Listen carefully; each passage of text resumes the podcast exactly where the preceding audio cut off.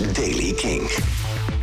De dag begint in het zuidwesten en ook Zuid-Limburg met regen en natte sneeuw. Verder is het droog met wolken en zon, maar het is wel fris. Het wordt niet warmer dan 3 graden vandaag. Nieuws over de Brexit, Lowlands, Phoenix, Arctic Monkeys, Skin van Skunkerentie en Foo Fighters. Dit is de Daily King van donderdag 14 januari. De Britse premier Boris Johnson heeft beloofd om met parlementsleden te praten over de onzekerheid over de impact van de Brexit op reizende muzikanten. Eerder deze week kwam naar buiten dat uh, Groot-Brittannië een deal zou hebben afgeslagen met de EU om muzikanten visumvrij door Europa te laten reizen. Heel belangrijk, want anders is het bijna ondoenlijk, zeggen de muzikanten, om fatsoenlijk al voor een beginnend artiest te kunnen toeren door Europa. Nou, daar zijn dus zorgen en uh, is gemopper over. En nou heeft premier Johnson dus beloofd: ik ga hierover in gesprek, want hij zegt dat er nog wel mogelijkheden zijn.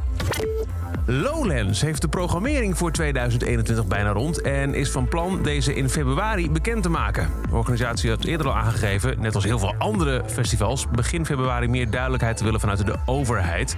Dat zou nog te maken kunnen hebben met de precieze datum voor de bekendmaking. Wel is het zo dat meerdere politieke partijen inmiddels aandringen op zo'n garantiefonds voor evenementen. Dus daar is ongetwijfeld wacht even op. Eh, daarop aanvullend zegt de Vereniging Nederlandse Poppodia en Festivals dat de GGD ook s'nachts moet gaan vaccineren om het festivalseizoen van 2021 te redden. Dag en nacht moet er geprikt worden.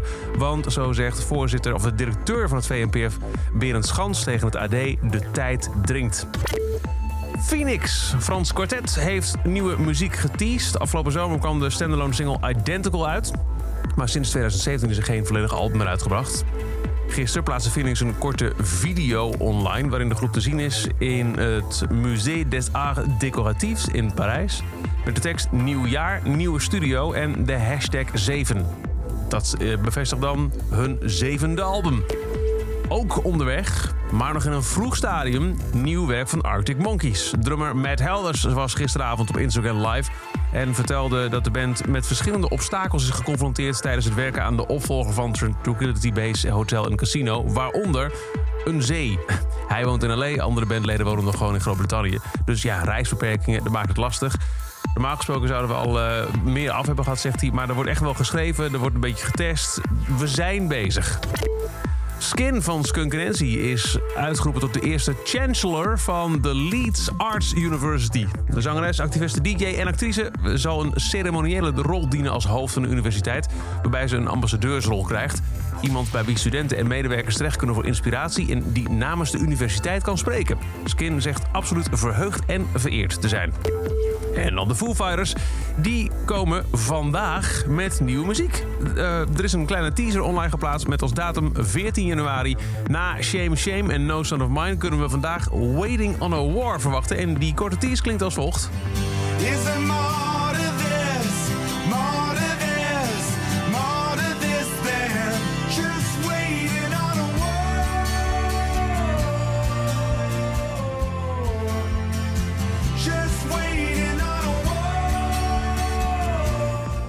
En dat is het. Hoe laat het nummer komt, geen idee nog. Maar zodra die er is, wees gerust natuurlijk meteen te horen op Kink. Dus laat die radio vandaag gewoon lekker aanstaan.